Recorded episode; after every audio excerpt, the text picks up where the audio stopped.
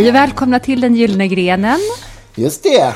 Idag har vi en liten annan variant än vad vi brukar ha, Victoria, du och jag. Vi brukar ju sitta och bara prata med varandra, men det ska vi inte göra den här gången.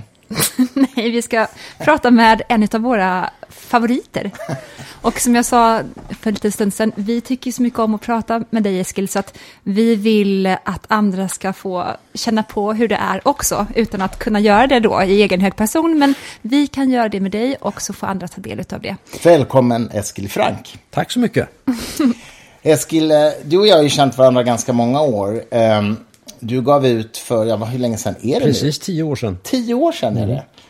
Eh, en väldigt, väldigt fin liten bok tycker jag som hette Giv mig min son ditt hjärta. Som är en berättelse av, eller om din, din väldigt speciella uppväxt. Men, vi, men, innan vi kommer in på den så kan vi bara säga att vad har du gjort i, rent yrkesmässigt? Du, du har varit, eh, heter det rektor för pastoralinstitutet i Uppsala? Ja, just det.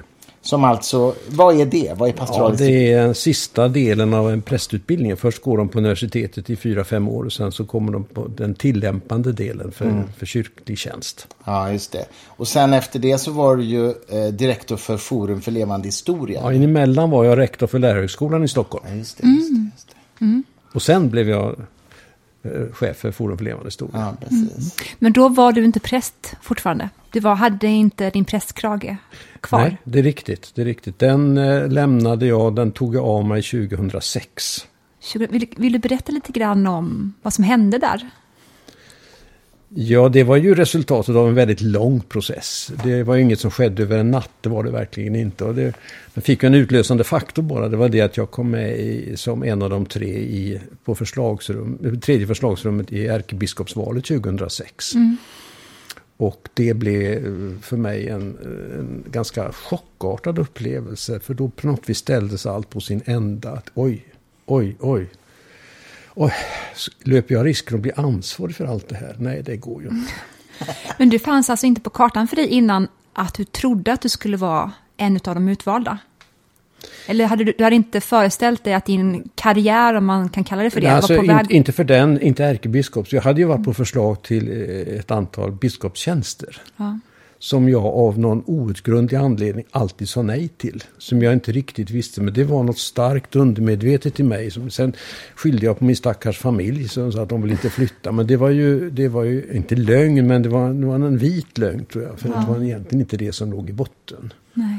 Får jag bara fråga, vem blev ärkebiskop när du då inte blev det? Det blev KG Hammar. Det var då han tillträdde? Ja. Mm. Och det var sista utnämningen som var en statlig utnämning. För sen skildes ju kyrkan från staten.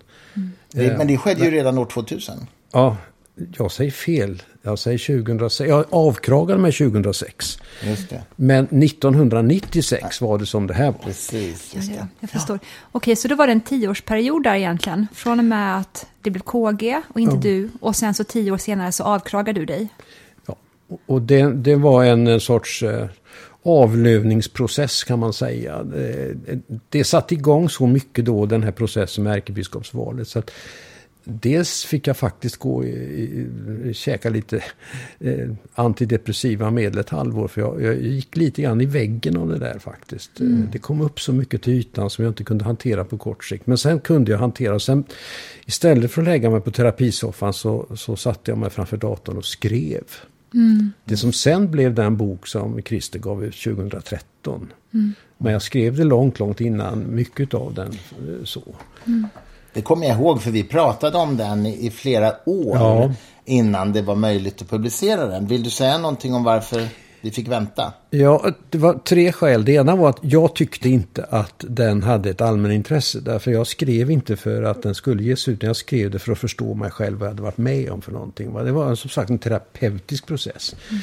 Det andra var det att jag eh, hade viss, min gamla mamma levde då fortfarande och jag ville inte göra henne ledsen helt enkelt. För jag tyckte hon skulle bli så ledsen.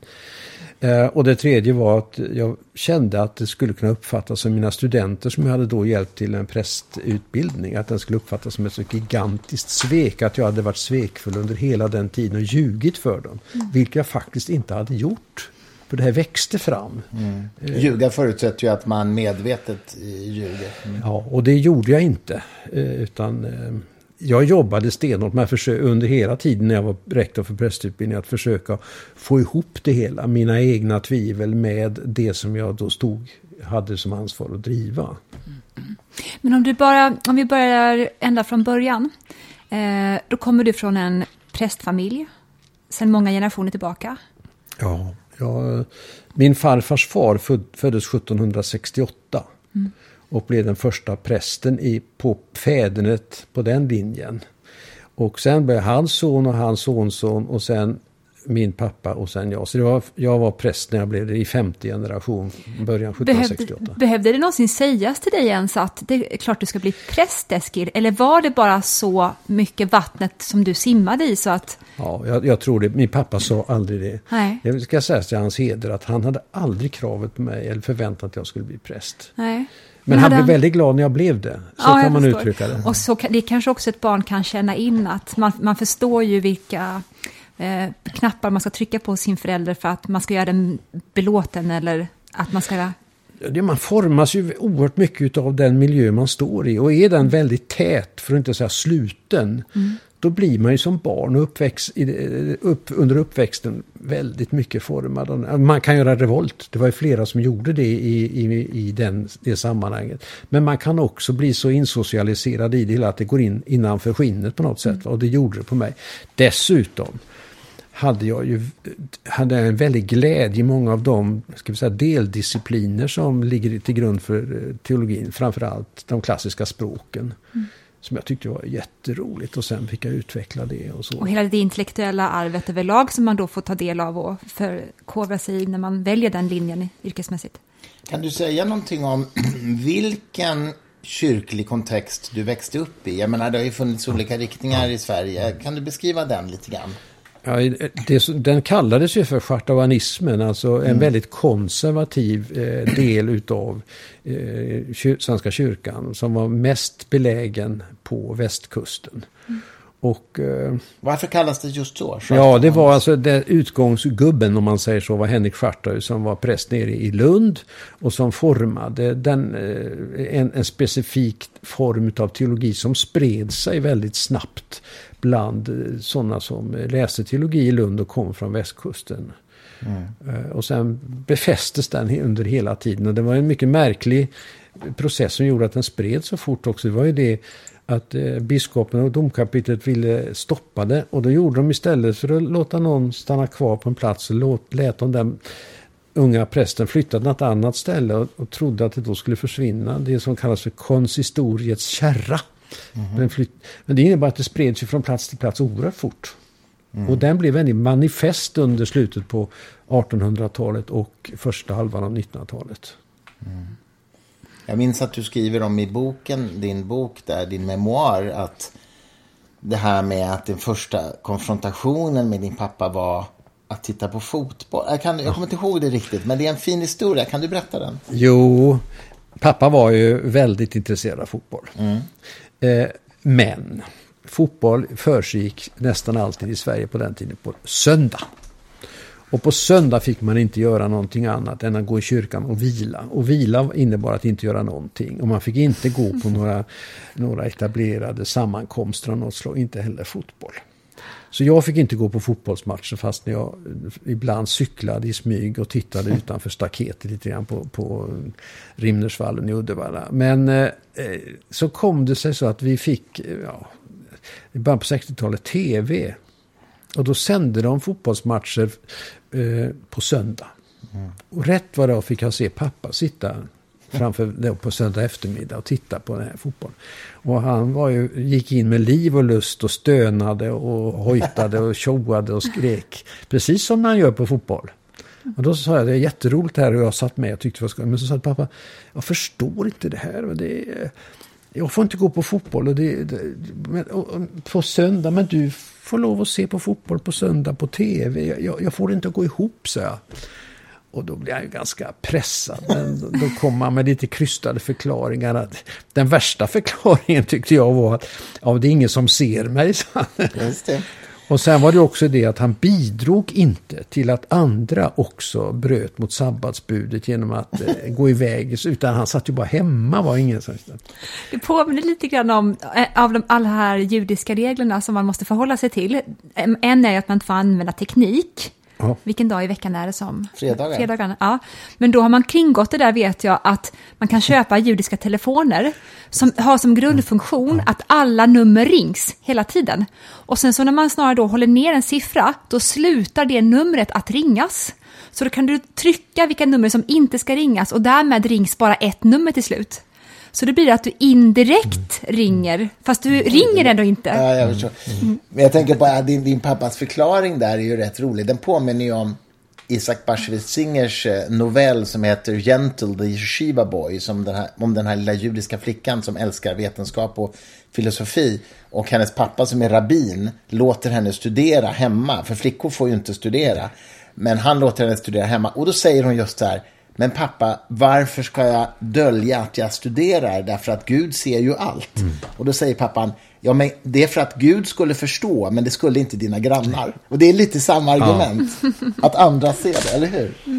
Men sen är det intressant att det här det du tog upp nu med fotbollen är ett av de exempel som jag brukar ta upp på det som fick mig att bör, det börja krackelera för mig systemet som jag var så inne i. Och det var ju det här, alla inkonsekvenser. Jag är väldigt, väldigt svag för att eh, hoppa på inkonsekvenser. Jag tycker det ska finnas någon sorts konsekvens i ett tänkande. Va? Det ska vara en helhet på något sätt. Och det fanns flera andra sådana exempel. Men ska ta ett? eh, Ja, Ja, Ja, det, var, det var så här att vi hade en, en god vän i be- bekantskapskretsen som eh, tragiskt nog eh, fick cancer och dog. Och han hade fru och två små barn. Och ehm, ja, det var ju som det var. Och, alla tyckte det var hemskt och så. Plötsligt så hade hon en ny man. Och bodde ihop med honom också. Och det var ju otänkbart att man bodde ihop med någon utan att vara gift. Så då sa jag, men nu, sa jag, och det accepterades. Pappa och de andra, där, det var, det var okej, sa jag.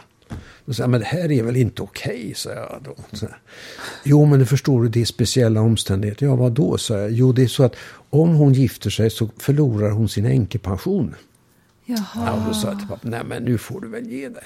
Alltså, är det så att det är fel att inte, eh, att fel att leva med någon utan att vara gift, så är det väl minst lika mycket fel även om man förlorar pengar på det. Ja. Det moraliska budet måste väl överstiga den ekonomiska hänsynstaganden. Det kunde han aldrig ta sig ur. Va?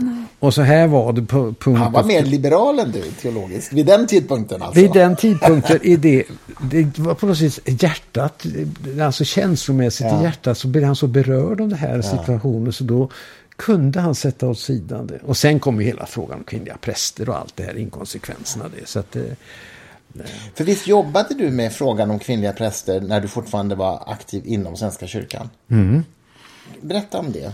Ja, alltså jag genomgick ju själv en utveckling då. Från början var jag ju, när jag bodde hemma och så, var jag ju väldigt emot naturligtvis. Eftersom hela min miljö var emot. Men sen började som sagt systemet att krackelera för mig. Jag såg att den ena inkonsekvensen efter den andra. Och som, som det inte höll till exempel att kvinnan en- enligt eh, eh, Paulus då i samma eh, ställe som talförbudet för kvinnor var att de inte fick klippa håret. Och, och, och så sa jag också till pappa, men det är konstigt, du, du säger ju inte att det är fel för flickor att klippa håret. Ja. Nej, men du förstår, det beror på det att, eh, det beror på det att kvinnorna i Korint som hade klippt hår, de var horor. Jaha, sa jag. Men, så det innebär det, sa jag, att om man kan förklara någonting som står i Bibeln, ett, ett bud eller förbud, om man kan förklara det utifrån omständigheterna och omständigheterna förändras, ja då försvinner också eh, förpliktelsen. Ja, då vred, då vred pappa sig. Det hade han ju väldigt svårt att ta. Va? För Men för mig också- blir det en typisk exempel på det här att man kan inte hantera det på det här viset. För hela tiden förändras ju synen och tolkningen förändras ju. Och, och sen så jobbar jag ju med den och... och, och, och Med sen- den frågan, ja. Ja, och sen så skrev jag ju om det i min undervisning på pastoralinstitutet och, och gick igenom det och så. För du var med och utredde frågan för Svenska kyrkans räkning, va? Nej, inte Nej. den frågan. Nej. Det jag var med och utredde var ju frågan om sexuellt umgänge mellan personer av samma kön. Okay. Det vi kallar för homosexfrågan. Mm. Det var jag med och skrev i en utredning. Och då skulle, jag är ju som det heter nytestamentlig exeget. Alltså jag har ju skrivit och jobbat med tolkningen av Nya Testamentet. Och då skulle de ha en sån som var eh, positiv till det hela. Och så skulle de ha en som var negativ. Och det blev då märkligt nog min prästvigningsbiskop. Bertil Gärtner. Som vigde dig ja, till präst. Som, och som mm. tillika var fadder till min fru. Så det var ju så här. Oj, oj, oj. Fadder, vad innebär Men de tog ingen ja, hänsyn till det då? kan man väl säga då. Eller skulle de, gudmor. Ja, just det. Men att ni hade en sån personlig relation, de tog ingen hänsyn till det? Att det kunde på, inverka på ert omdöme, eller ditt omdöme? Nej, det gjorde mm, de faktiskt nej. inte. Och det gjorde det inte heller. För nej. jag skrev vad jag gjorde. Men däremot så innebar ju det att eh, jag blev ju persona non grata naturligtvis hos honom. Och ja. min stackars pappa klarade ju inte det heller. Han levde fortfarande då. När, så att, eh, det var, det var svårt.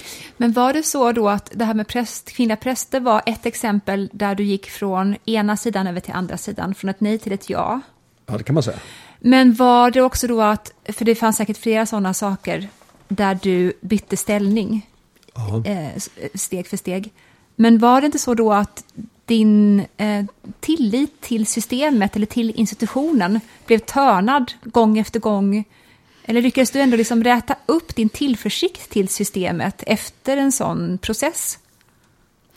Ja, egentligen inte till systemet. För jag, jag, insåg ju någonstans att ska systemet finnas och kunna ha relevans så måste man anpassa efter, okay. efter tiden och så. Utan det var snarare det vi lite, jag lite pretentiöst kan kalla sanningsfrågan som fick sin törn. Ja. Alltså att jag överhuvudtaget stod kvar i en eh, bekännande kristen eh, tradition. Ja. Det fick sig en törn gång efter gång, gång och blev svårare och svårare att hantera.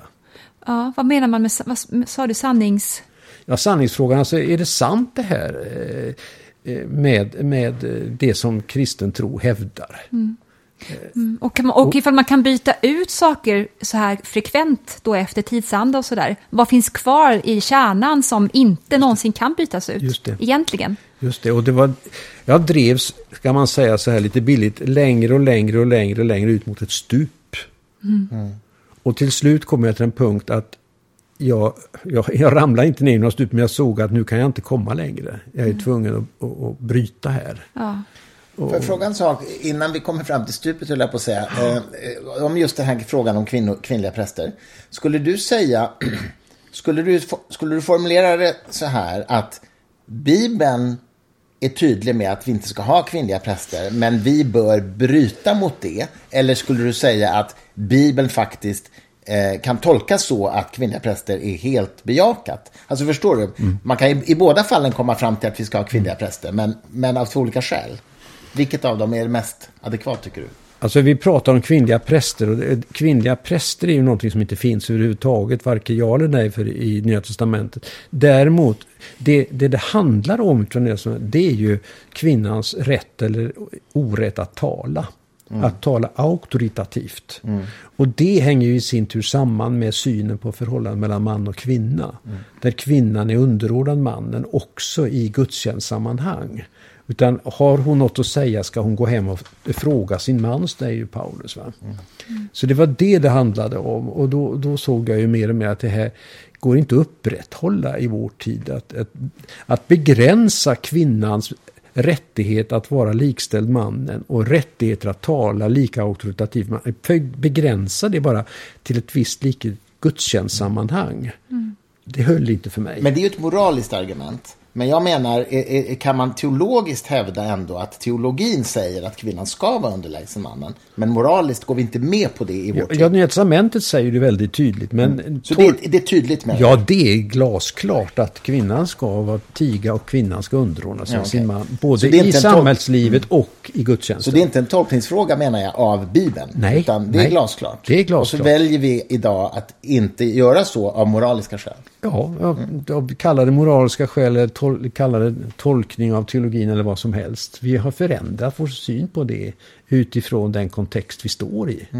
Alltså vi, då talar jag nu om Svenska kyrkan. Den katolska kyrkan har ju behållit sin syn på det här. Och eh, ha- jag läste i förra veckan en, en katolsk präst i Göteborg som sa så tydligt att eh, eftersom Jesus var man och eh, de tolv lärjungarna var män så ska också alla efterföljare vara män. Så det ligger kvar där som ett eh, raster helt enkelt. Ja, visst. När eh, man gör den här bedömningen att kvinnor inte får vara präster, är det så att man förhåller sig till någon hierarki då? Att om, eh, om Jesus hade sagt det istället, rakt ut, om kvinnans plats i församlingen, då hade det inte varit något snack om saken, även för Svenska kyrkan. Då hade det varit ett nej. Men nu var det inte ens en lärjunge, det var Paulus, som är alltså förmodligen från hierarkitoppen tredje ner. Eh, är det så att man kan också flexa lite mer då? Ja, men alltså som jag sa, när det är katolska kyrkans syn fortfarande, det är samma som kvinnoprästmotståndare i Svenska kyrkan har. Nämligen från Jesus kom ju eh, exemplet att det var, han valde bara män. Han sa ingenting att de inte kvinnorna, men han valde bara män Ja. att vara apostlar och att vara de som skulle föra det vidare. Va? Ja. Ja, visst. Har du läst Maria Magdalenas evangelium? Nej, det har jag inte gjort. Det är en treat. Jag rekommenderar det till alla där ute också. Och Judas också evangelium. Ja, det ju finns ju en rad speciellt. olika... eh, Thomas evangelium också. Och Thomas evangeliet har jag läst och så, men... ehm, Mm. Ja. Vad är det för någonting alltså för oss De dök- teologiskt obildade? Ja, men de dök ju upp på 1930-40-talet Mm. och katolska kyrkan säger fortfarande nej till dem. Men det fanns ju, det var ju en urvalsprocess på 300-talet Mm. att man såg vilka evangelier skulle vi ha med. Så de är liksom riktiga original Riktiga den meningen att de är skrivna ungefär runt 200-talet. Okej. Och eh, i Judas evangelium hittades i Egypten så är det Mm. väldigt komplicerat då för att i det så står det uttalat att eh, eh, Jesus bad Judas att förråda honom. Han valde ut Judas till den uppgiften för att hans öde skulle kunna bli till fullo som det skulle bli. Och att han då skulle visa romarna att här är han. Wow. Eh, Hur säger man inom bibelforskning inom de här evangelierna? Liksom? Vad har de för status? Ja, de, har, de har ju status som sena, om man uttrycker det så, va? i nästa och nästa gen- generation. ja, för 200-talet är sent i den Ja, meningen. alltså Ja. de, eh, de senaste, eh, eller ska vi säga till och med de sista skrifterna i Nya Testamentet räknar man ju vara ungefär från 135 eller 140 eller någonting sånt här. Men det är ingen som ifrågasätter deras äkthet alltså? Äkthet, det beror på vad man menar. Man vet att de är väldigt gamla, men vilken relevans som Ja, de författarna eventuellt har haft i den kontexten, det kan ju vara en, vilken tjomme som helst som har känt för att teckna ner någonting. Ja, det, that's Förstår true. du? Men det är i alla fall ingen som tror att de är liksom eh, modernt tillverkade fake-dokument. Nej, det är det inte. Nej, de har ju upp, upp, hittats i den egyptiska sanden, alla de här dokumenten. Men bara för att något är gammalt behöver inte det betyda Nej. att det är värde. Nej, det kan vara vilken tjomme som helst som Ja, det sagt. kan ju det. Ja, Till skillnad från de tolv tjommar som följde Jesus. Eller? hallå. 13 nästan. Jag tycker att Maria Magdalena borde räknas med där. Hon var ju med hela tiden väl? Ja, hon var med. Men vem skrev Maria Magdalenas evangelium? För Ja, det var inte var det Maria Nej, Magdalena själv. nej. Det var ju ingen av dem som Varför- skrev dem själva. Okej, varför kallas det Maria Magdalenas? För det handlar om henne. Då handlar det om hennes position Ah. och roll. Ve- Men vet man någonting om vilka som skrev dem? Nej. Nej, det vet man ju egentligen inte så mycket. Nej, nej. Inte så att de skrev en signatur längst ner Nej, med vänlig nej, hälsning. nej, nej. Ingen digital vattenmärkning? Nej. Nej, inte. Vet ni förresten att konstverk började man skriva signaturen på först under 1400-talet? Mhm. Innan det skrev man aldrig en signatur längst ner, vem som hade målat det. Men att det det skulle är vara ju- att förhäva sig mot Gud. Men det är ju också evangelierna till exempel. Man, det råder ju en viss osäkerhet vem som har skrivit evangelierna. Även om man fått, de har fått rubriker, Matteus, Markus, Lukas Ja. och Johannes. Så är det ju lite osäkert exakt om vilka de var. Mm, förstår. Vilket är ditt favoritevangelium? Ja, I Johannes. Varför? Därför att det, den, det evangeliet, det är det senaste, sista evangeliet och ligger en 25-30 år efter de andra. Och det är det som har det absolut tydligaste tolkningsmekanismerna nedlagda inför fortsättningen. Och som för mig blir väldigt viktigt att se att eh, man kunde tolka Jesu liv och allt vad Jesus sagt på ett sätt som var nyskapande i en ny situation. Så jag är ju övertygad om att det finns en hel del material i Johannesevangeliet som faktiskt är sånt som Jesus inte har sagt och gjort men som den kretsen runt Johannes evangelisten faktiskt har eh, ja, själva skapat. Men inte skapat som en fejk utan skapat som en, de menar en legitim och genuin uttolkning av vad Kristusskenet faktiskt betydde. Så det är sant fast på ett annat sätt? Ja, så kan man säga. De menade definitivt att det var sant. De menade definitivt att de hade Gud och Guds ande med sig i det de gjorde. Mm. För att visa upp Jesus på ett förhärligat och nytt sätt som kunde få andra människor att så att säga nappa på det. Ja, ja, ja. Och det är väl också ifrån Johannes som eh, helt säkert oförtjänt en hel del antisemitism kommer. För att man ville särskilja sig från ja. judarna. Ja. Och då vill man peka ut vad det finns för skillnad mellan oss kristna ja. och de, de judiska. Ja. ja, så är det. Det finns ju eh, mycket en kamp mellan den första kristna traditionen och judarna i Johannes evangeliet. Mm. Även om det finns på andra ställen också. Till exempel Matteus, det här med eh, hans blod kom över oss och över våra barn. Det står i Matteus evangeliet. Eh, men du har rätt, du har rätt. Jag har aldrig förstått varför judarna blev så otroligt eh, skuldsatta för Jesus död och inte det italienska folket. Romarna pratar man mm. aldrig om i de här sammanhangen. Mm. Att nu så tycker vi illa om italienarna för att Nej. deras romerska anfäder låg till, de förstörde vår Herre. Mm. Men judarna går det jättebra att göra så med. Varför, varför hatar man inte romarna mer? Ja, man kan, hur det är idag kan vi diskutera för sig, men hur det var då var ju så att det, det var, ju, det var ju helt och hållet, hela evangelietraditionen är en inom judisk tradition. Jesus var jude, lärjungarna var judar, allting var judiskt. Och det gjorde att när de då mälde ut sig lite grann ur den strikta judiska traditionen och kom och förkunna någonting utöver det så blir det väldigt antagonistiskt. Mm. Eh, så är det ju ofta med religiösa traditioner. Det har vi sett i vårt eget land. När någon mäler ut sig ur en rörelse och säger något lite annorlunda så blir det en väldig kamp omkring det. Mm. Och det gör att den kampen var ju eh, väldigt levande. Men de, de kristna hade ju ingen religiös kamp med romarna. Nej. Romarna var ju tvärtom oerhört toleranta både mot judar och... För de såg förmodligen sig själva också som fortfarande judiska identitetsmässigt, de nya kristna. Ja, ja.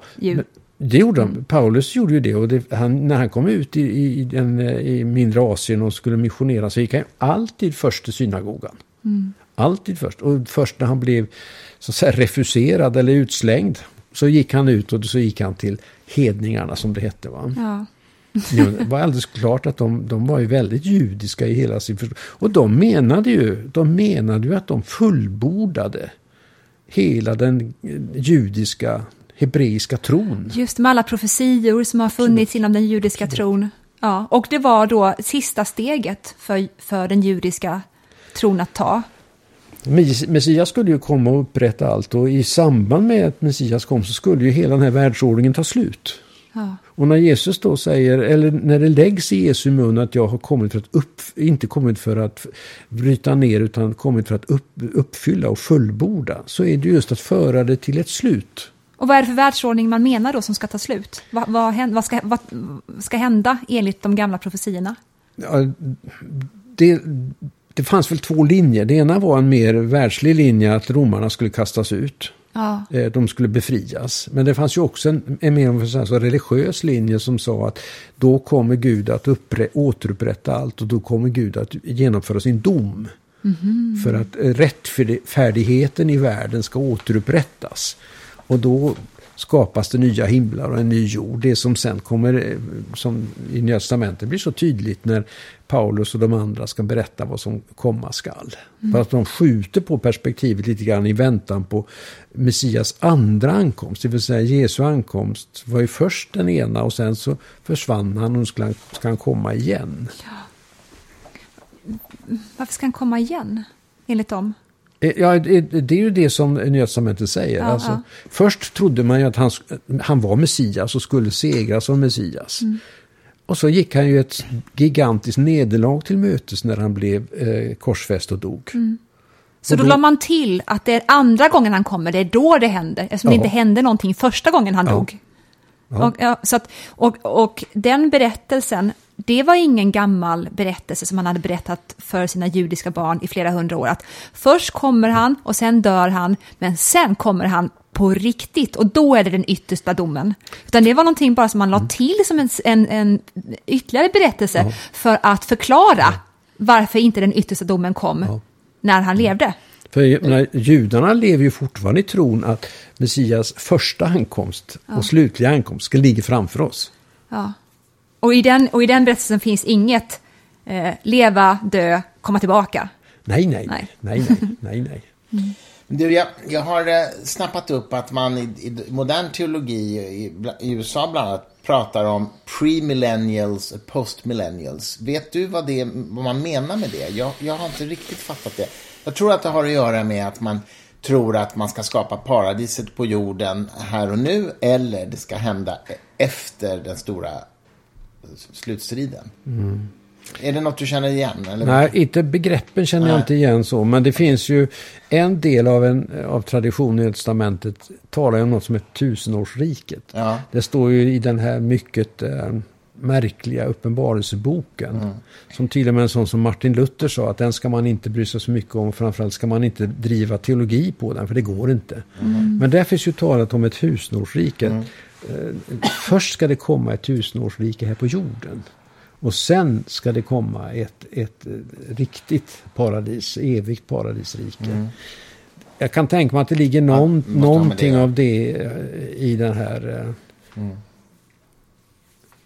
Ja, det är bara begrepp som Ja. jag stött på som jag vet. Okej, nej, men intressant.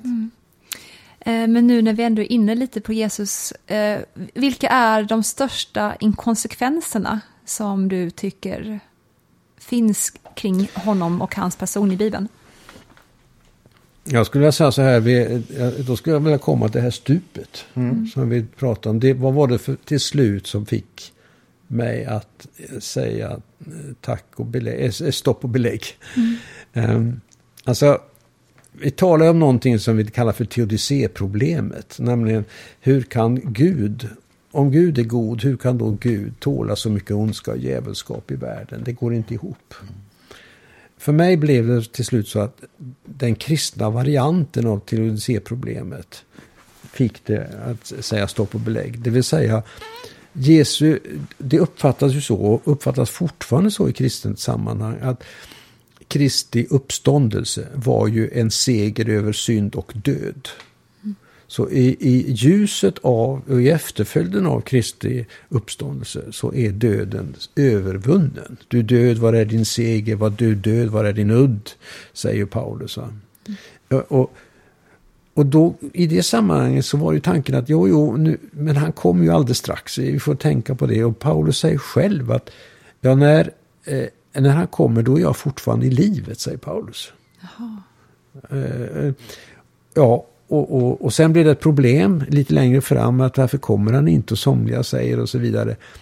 Och då tänkte jag säga, ja men nu har det gått 70 generationer. 2000 år, 70 generationer. Och ondskan och djävulskapet och döden är nästan värre än någonsin. Det kan vi ju se bara i dessa dagar. Va? Eh, då blev det för mig så att nej, det håller inte. För mig håller det inte. Eh, och det är den största kan vi säga, inkonsekvensen om du nu, nu letar efter den. Att man säger det men det har gått så lång tid att det håller inte det här längre. För då måste man för mig kunna förklara hur man ska se på all möjlig ondska och djävulskap. Jag vet så väl när jag var ung student så var jag med i kristna sammanhang. var jag på ett, ett möte med en föreläsning av en känd eh, svensk teolog. Och så fick han frågan, det här var 1969-70. Vad gör Jesus i Vietnam eh, under de värsta bombningarna som var där? Så blir det tyst och så säger han plötsligt, han lider. Och då, när jag var ung, så tyckte jag det var ett jättebra svar. Jag tycker det var lysande svar att han lider. Men sen när jag funderat på det längre fram så tänkte jag, ja men varför gör han, han, hans lidande är ju över. Han är ju uppstånden, han lever ju. Eh, och eh, är han där så måste han ju med smärta se att hans uppståndelses kraft inte eh, på något vis får genomslag i, i det här bombade, samman, bombande sammanhanget. Eh, det blev, ja nu vet jag inte riktigt var jag hamnade till slut, men, men, men det blev för mig i varje fall ett, ett, ett aber. Men får jag fråga, det, men det ledde inte till att du bytte ut din gudsbild mot en, en god men inkapaciterad gud som alltså inte hade allsmäktiga förmågor? För det är ju, det är ju en annan lösning på teodicé. Det är en annan lösning. Nej, alltså, för mig var det så väldigt mycket, och det har jag blivit beskylld för, så väldigt mycket svartvitt. Mm. att antingen eller på något vis. Eftersom mm. jag är både fostrad och sen också via mina vetenskapliga studier har sett så tydligt att det finns ett nav i hela den kristna tron. Och det navet är den här uppståndelsen, tro på uppståndelsen. Och tro, finns inte den levande, ja då finns ingenting annat heller. Mm. Det finns inget mellanting i de frågorna. Va? Mm. Men det är ju ett annat argument än teodicé egentligen. Alltså, att du säger att om du inte kan tro att uppståndelsen har skett på riktigt som historiskt faktum, då finns ingenting. Eller? Nej, jag säger bara att eftersom konsekvensen av den påstådda uppståndelsen mm. inte har infunnit sig efter 20 generationer. Okay, okay, nu förstår jag. Så, mm. så kan jag inte längre hålla fast vid det. Nej, Nej vid det kyrkliga. Men jag tänker att eh, vad kyrkan är och varför det i alla fall katolicismens fall är världens äldsta institution. Ja. Det är för att man har varit konsekvent med att de förklaringsmodellerna som man byggde upp kyrkan mm. kring under de första århundradena i princip, de ska och måste vara oföränderliga. Eh, det går mm. inte mm. att vi ser på de här förklaringsmodellerna som försök att greppa greppa någonting mm. som kanske i princip är extremt svårt att greppa och bygga upp regler och levnadssätt och ja, en institution mm. runt egentligen. Och det är som du säger att ifall man börjar då eh, syna de där förklaringsmodellerna kring vad som nu hände, vad det nu var för någonting mm. kring Jesus och mm. hans folk, eller lärjungar. Om man börjar syna dem där i sömmarna, då är det ju så med oftast förklaringsmodeller att det är massa, massa inkonsekvenser mm. och framför allt då ifall det är kärnan, vilket det är uppståndelsen, mm. om man litar på mm. premissen för uppståndelsen mm. eh, som en, ett nödvänd, något nödvändigt för vad som ska komma för oss alla mm. eh, i form av lättnad mm. slut på lidande, då rasar ju alltihopa. För att i kärnan måste man ju då verkligen se uppståndelsen med dess löften. Så jag förstår verkligen att den blev en... Ja, till det här stupet som du pratar om. Mm. Att du började automatiskt prata om uppståndelsen och mm. förväntan som fanns på den. Mm.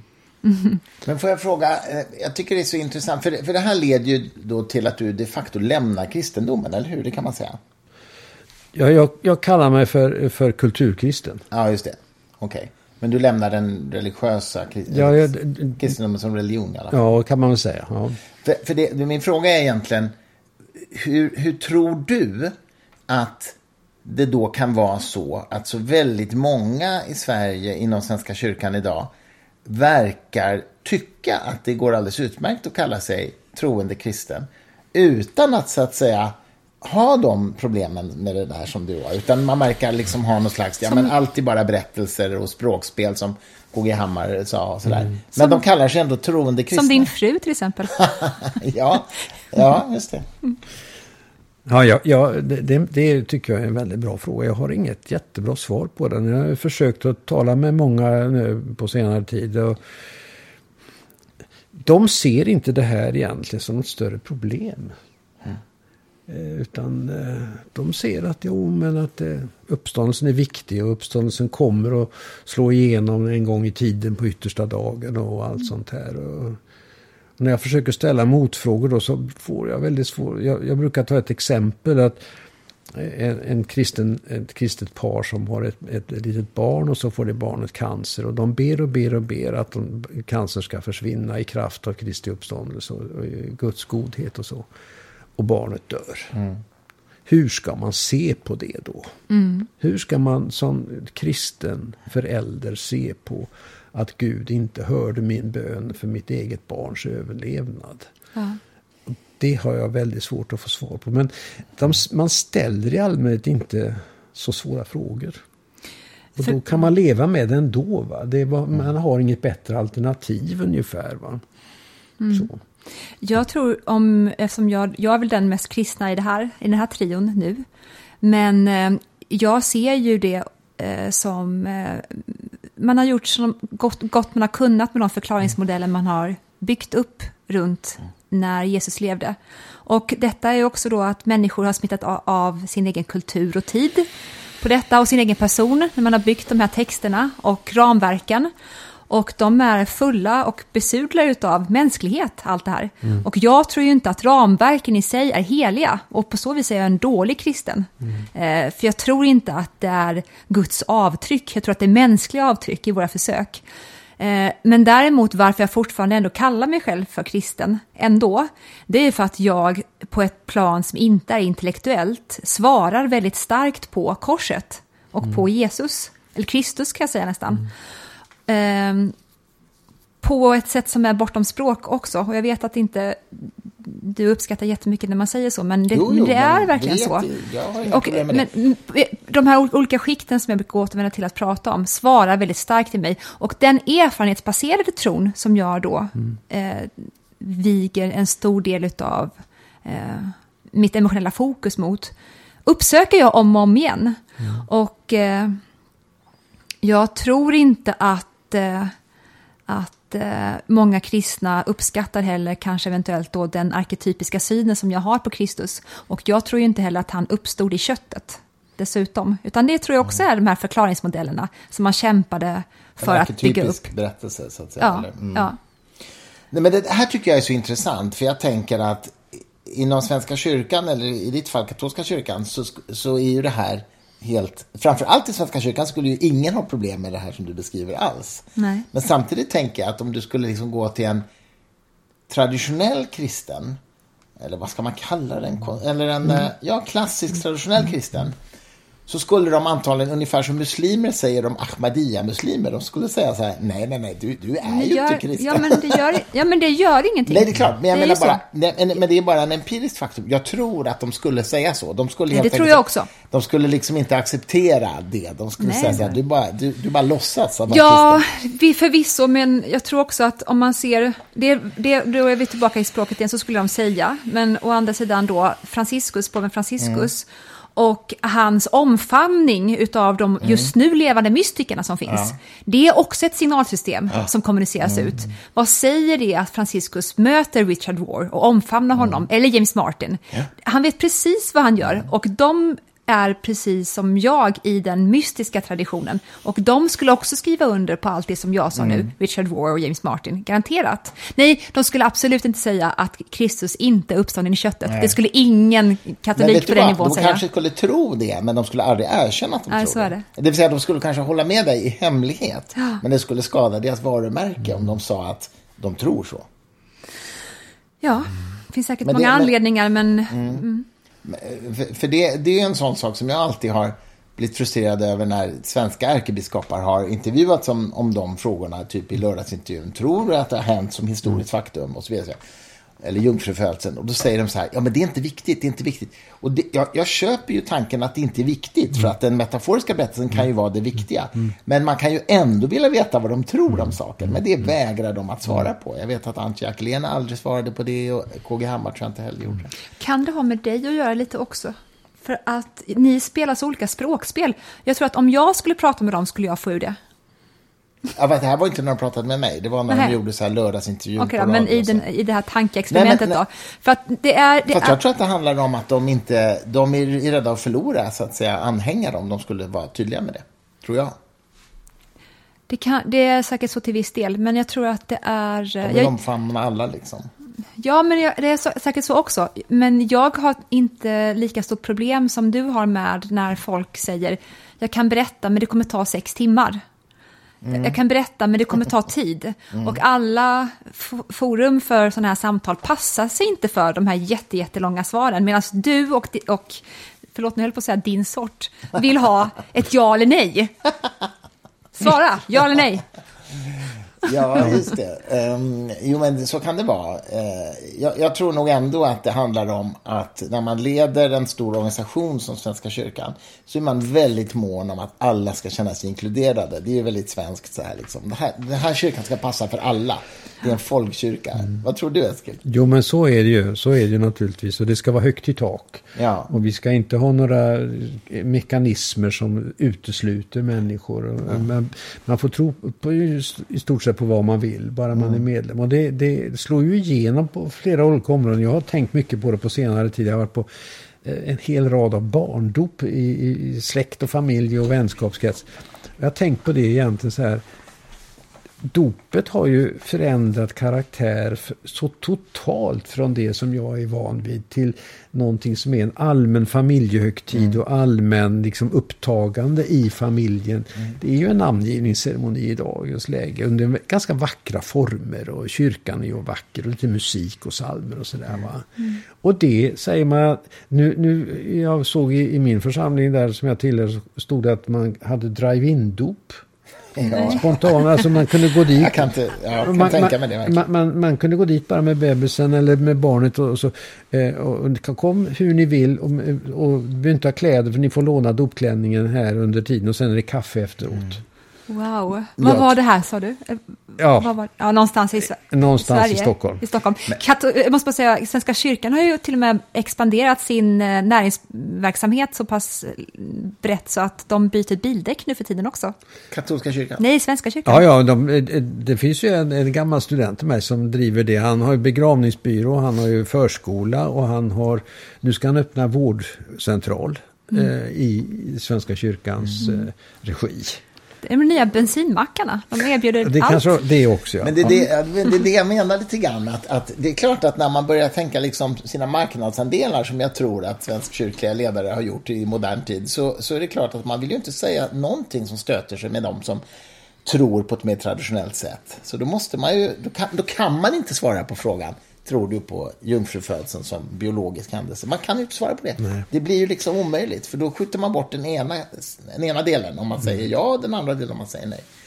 Men, men, men, men, det är egentligen det jag menar, att jag förstår ju, Victoria, du, för dig spelar det ju ingen roll vad folk tänker om din livsskådning, men det för dig spelar det ingen roll. Men jag tänker att för en traditionellt kristen så skulle man säga, om din icke-teistiska gudsbild, skulle man säga så här, nej men det, då är du inte kristen. Ja, ja, så är det mm, Tror jag. Absolut. Ja, Svenska kyrkan skulle som sagt inte säga det. Men... Nej, så, nej, nej, nej, absolut Men inte, inte katolska kyrkan heller skulle inte säga det. Men svensk, nej, nej. Men det, mina katolska vänner märker har ganska, många sätt ganska fri syn.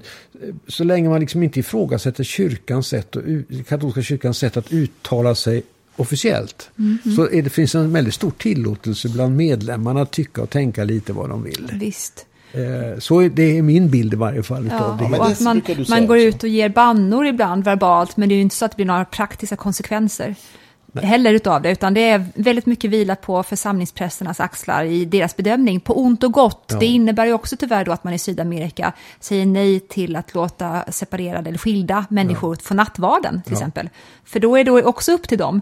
De är ju, och det kanske också är ett sneaky drag från deras sida, att de verkligen förstår att eh, det är så pass mycket kulturellt betingat i hur tro ska utövas, så vi ska inte gå in och styra med hårdhandskarna mm. från, en, från Rom. Utan det får vara den kulturs ansvar att ombesörja tron bäst. Mm. Men, och sen så har det, finns det ju fortfarande de här då järnprinciperna som man inte meckar på. En katolsk präst får till exempel inte ens gå ut och säga att han är för kvinnliga präster. För då blir du avklagad. Just det, som präst ja. Men mm. som församlingsmedlem kan man ju det säga det tror jag. Det, ja, visst. Det är ingen kan, som bryr sig. Visst, så är det ju.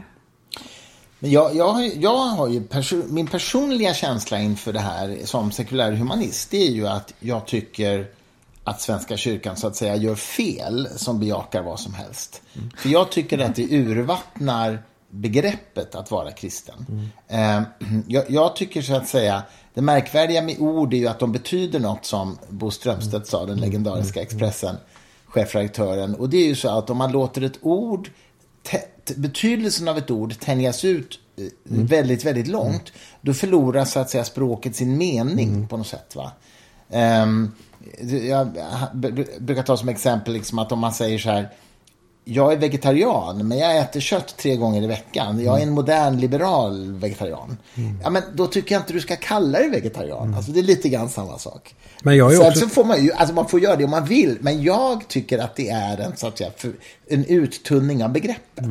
Om jag kan dela det. För jag, jag har ju blivit eh, kritiserad, väldigt starkt kritiserad från en del efter min, min, utveckling. Men man säger så ja, men du är ju lika gammaldags konservativ som den, ut, ut, den tradition du kommer ifrån. Och du måste ju vara det för att ha någonting att ta avstånd ifrån. Ehm, det är lite grann samma är samma resonemang. resonemang. Jag håller med dig om det. Att det för mig handlar det hela tiden också om att våga se vad faktiskt de första kristna sa, skrev och tänkte. Och sen ta spjärn mot det. Och säga att detta förhåller jag mig till nu, eller vi som kyrka eller församling till nu. Vi tar, nej, det där kan vi inte tro på. Eh, Ja, det där håller vi fast vid. Men man går inte in i den kampen på allvar utan man har någon sorts flytande massa. Jag tänker på det, varje söndag predikas det ju över, över bibeltexter. I svenska kyrkor, ja. Ja, även i katolska kyrkor, i alla kristna kyrkor gör det ju det. Va? Så att, eh, och då, nu hör jag inte ofta på predikningar, men jag de gånger jag hör jag är förvånad över hur man liksom gör det som vi kallade en gång i tiden för trampolinpredikan. Man, man, man tar sitt avstamp i text och så hoppar man från trampolinen rakt ut och så har man lämnat fastlandet. Va? Man talar man om någonting annat. och man talar om, kontextualisera om det. Ja, då blir det miljön och det blir fred. Och allt detta är ju jättebra. Men man tar inte liksom går in i det här hårda arbetet tar spjärn mot vad faktiskt texten säger. Nej, det är verkligen sant. Det är verkligen sant. Och när man kommer till domsöndagens texter till exempel. Det är om, om får och getter och höger och vänster sida och himmel och helvete. Man, man, man, man, man duckar liksom från det. Jag håller med om det vore bättre man sa. Det där är uråldrigt, vi tror inte på det. Vi, nu har vi en annan syn, men Exakt. vi vill ändå kalla oss kristna. Eller något sånt där. Men då, då ska, tycker jag man borde vara öppen med det och säga Tycker jag att med. nu är det en metaforisk tolkning jag gör utav uppståndelsen och jungfrufödseln och eller vad det nu Och låt oss undersöka de skikten nu, kan man Exakt, säga. exakt, Eller hur? exakt. Men Alltså vi jag, vågar blir, dem inte. jag, märker, jag blir uttråkad bara vi pratar om predikningar och mässor. Det finns inget tråkigare, tycker jag, än att sitta. Jag gör ju i princip aldrig det längre. Jag går ganska ofta och sitter i det här Maria-kapellet, men då är det för att meditera över korset. Och sen går jag därifrån. Och det är väl anledningen till varför jag fortfarande kallar mig till viss del kristen. Det är bara för att jag har de där stunderna med korset. Men det är intressant, Eskil, det du säger, att du liksom blir, så att säga, citattecken, anklagad för att Ja. ha en för dogmatisk syn på kristendomen. För att jag råkar ut för precis samma sak, Ja. fast som sekularihumanist säger man, ja men du har en sån, liksom, du pratar bara om den dogmatiska kristendomen. Men jag, jag, jag, jag brukar säga, när jag får de anklagelserna, säga att nej, men det här är tvärtom. Det är ju för att jag respekterar Mm.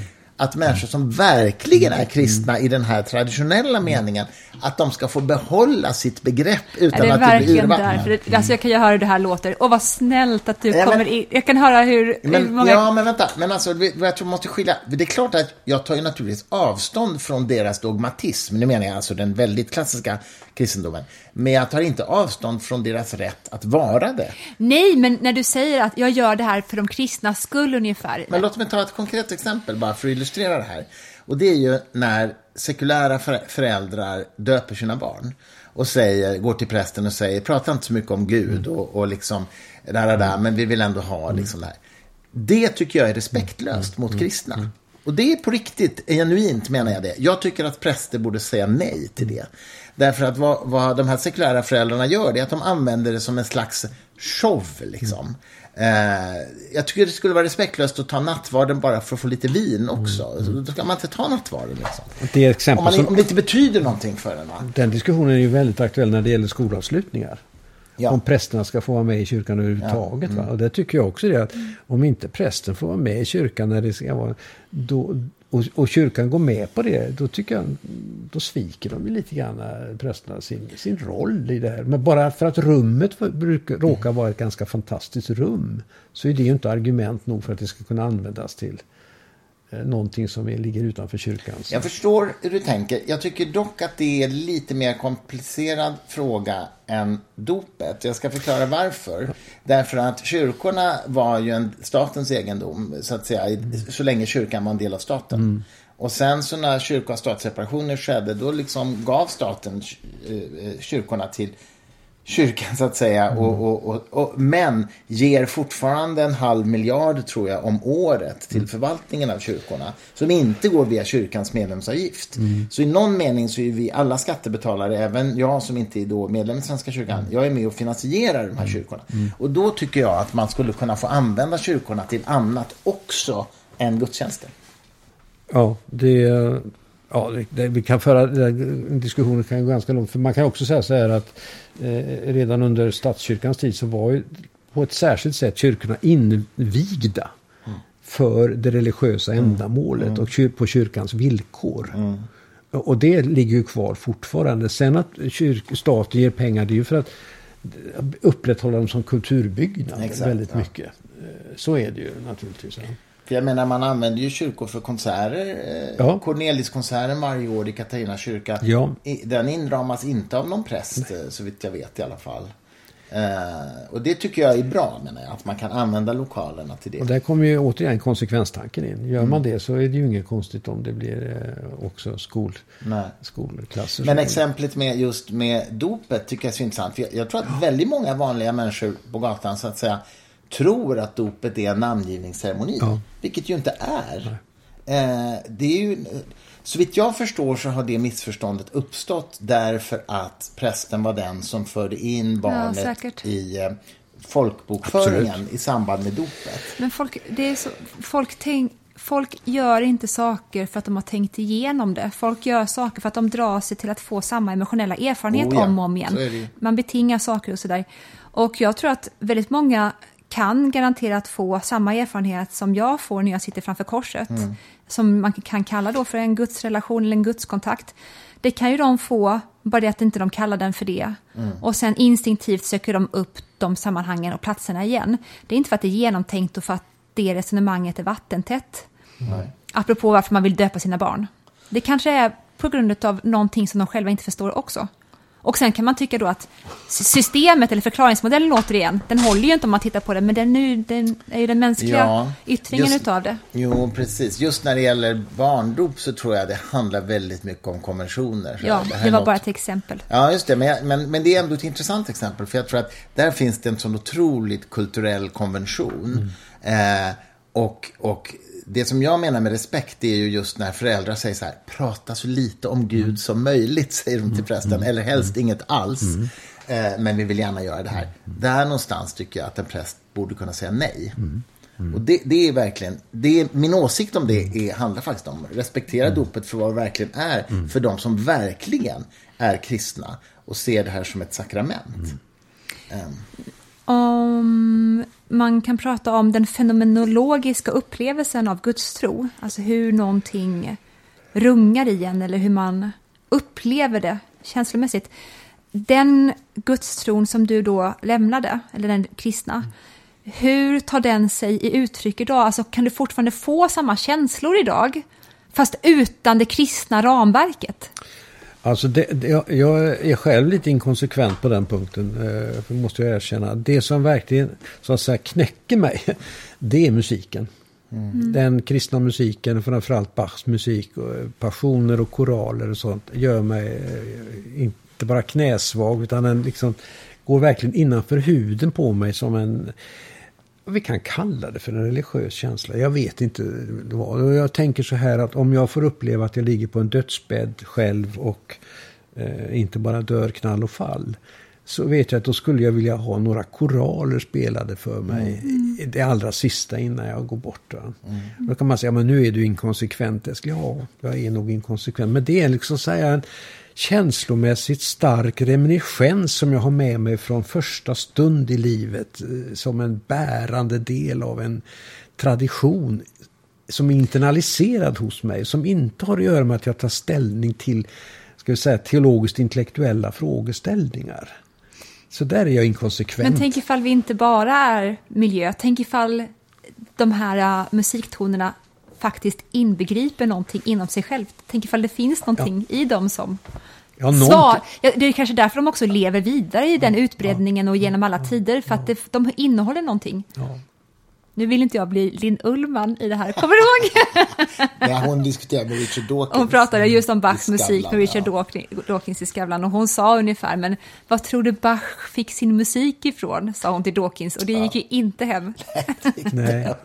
Och det, vet, det, det har jag aldrig funderat på var han fick det ifrån så att säga. Men jag vill- tänker bara på den inverkan det har Ja. på mig. Va? Fortfarande efter fyra, 300-400 år. Ja. Det var så starkt. Jag var, stod vid hans grav i somras i Leipzig. Och det, det också var en så stark upplevelse. Det går heller inte liksom att förklara i några intellektuella termer. Utan det låg på ett känslomässigt plan. Och det har jag sagt så här till mig själv att ja, men strunt i att kritisera dig. För det, behåll det med glädje.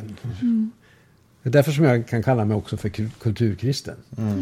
För att jag tycker det finns så mycket i den, eh, den uppväxt jag har fått i kyrkans hängd som, som faktiskt har, som också berikar mig fortfarande.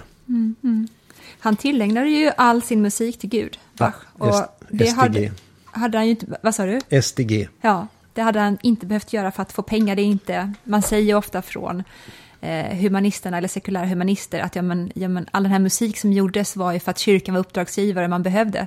Men eh, så pass långt som Bach gick att tillägna varenda grej han skrev till Gud, det hade han, han hade fått pengar ändå, så att säga.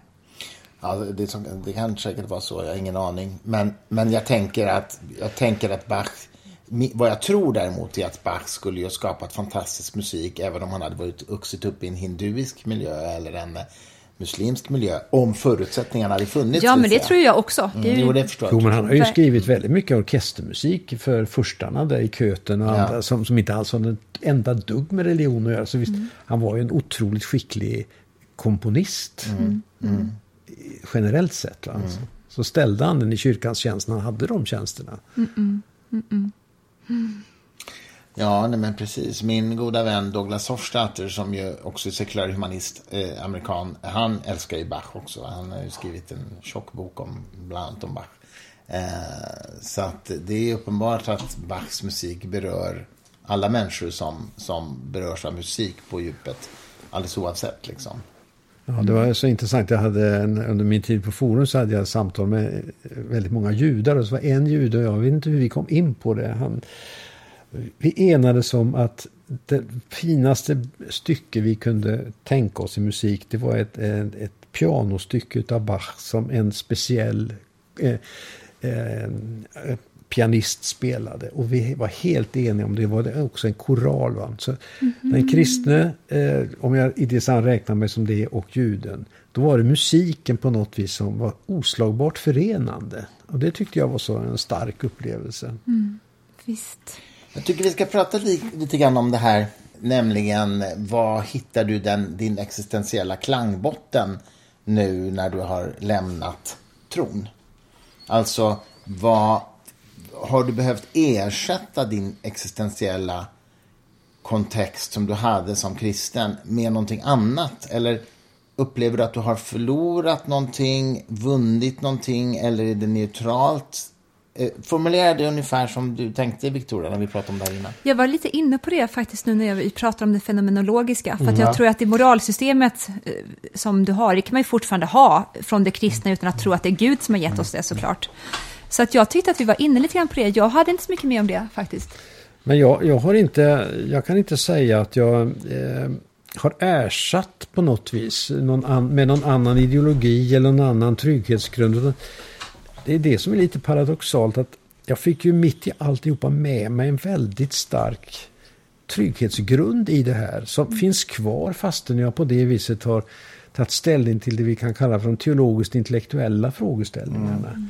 Och man kan kalla det vad man vill, men jag, jag är ganska... Jag har inte ett jättegott självförtroende, men jag har, en, har jag kommit på ganska god självtillit. Som ligger kvar som en grund. Och som på den bygger jag också väldigt mycket av de moraliska och etiska värderingar som jag fick med mig. Som jag inte ser någon anledning att, byta Nej. ut på något sätt. Men förlorade du fotfästet någonting när Nej. du lämnade? Nej. Det gjorde du inte. Nej. Och jag fick inget nytt fotfäste heller. Det, Nej. det, Okej, det låter lite flummigt och låter lite konstigt men så är det faktiskt. Men det var en neutral transition i den Ja, meningen. I den meningen var det det. Ja, men det är intressant att höra. Du, är verkligen, du ger ju väldigt ett intryck av att vara en rofull, stabil person, tycker jag. Ja, alltså, Livsglad också. ja, ja, jag- alltså jag känner mig trygg i mig själv. Ja. Eh, Jag, mitt självförtroende kan svikta väldigt inemellan men jag skiljer lite grann mellan självförtroende och trygghet i mig själv. Ehm, och, och där är jag nog, ty, tror jag, ganska stabil på något sätt.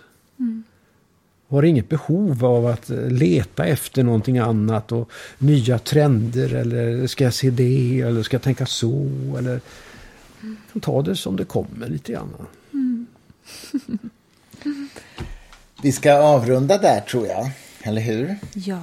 Eh, det var oerhört roligt att få resonera med dig, Eskil Frank, om detta. Tack för att du var gäst i vår podd. Tack för att jag fick vara med. Tack så hemskt mycket.